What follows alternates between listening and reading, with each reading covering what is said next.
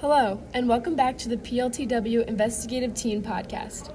I'm Sydney. I'm Josie. And I'm Brooke. In today's episode, we will be diving into the mysterious outbreak at GNMH. What was the cause?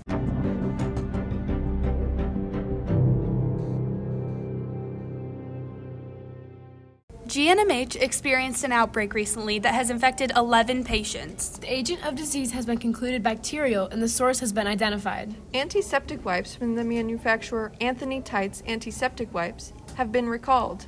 These wipes were found in the rooms of every known infected patient, and therefore they will be determined to be the cause of the outbreak. This outbreak has not caused any deaths so far, but the future is unknown.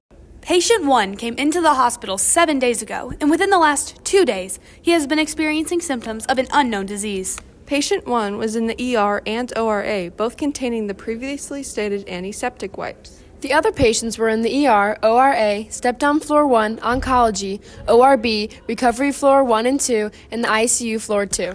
All of these places contained the said antiseptic wipes. Anthony Tights of Anthony Tights Antiseptic Wipes had this to say. My name is Anthony Tights of Anthony Tights Antiseptic Wipes. These are the wipes that came to the hospital. I have no idea what could have gone wrong. Our factory undergoes stringent testing. All of our equipment is analyzed daily to ensure there are no contaminants. He was very upset and defensive to find out that his wipes had caused an outbreak. He seemingly had nothing to do with it. Everything seemed perfectly normal until I find out there's an issue with our product I got word of my shipped wipes allegedly causing an outbreak. This is absolutely unheard of, ridiculous, and there's no way anybody can prove it was our fault. However, one of Anthony's factory workers, Bob Jones, has his own story. This is Bob.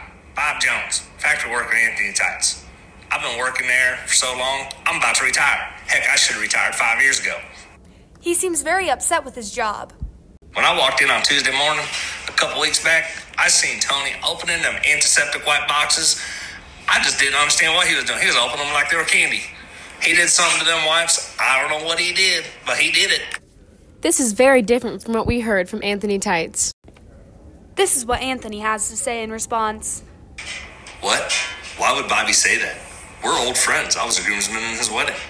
Now that you mention, I did notice he was in the factory way later than usual that Monday night before the wipes were sent off, but I figured he was just working on something as he usually does. I thought he was just catching up on work, trying to get a head start on the next day. He was there long after I left, and he did not leave until around 11:30 p.m. We decided to look further into Bob's life to see if any further information could be gathered. His wife, Barbara, had this to say. On that Monday night before them wipes were sent out to GNMH, I saw Bobby carrying them boxes to work pretty late. I didn't question nothing, 'cause I thought it was just work stuff, and he told me not to question it. Why would Bob keep secrets from his own wife and refuse to tell her?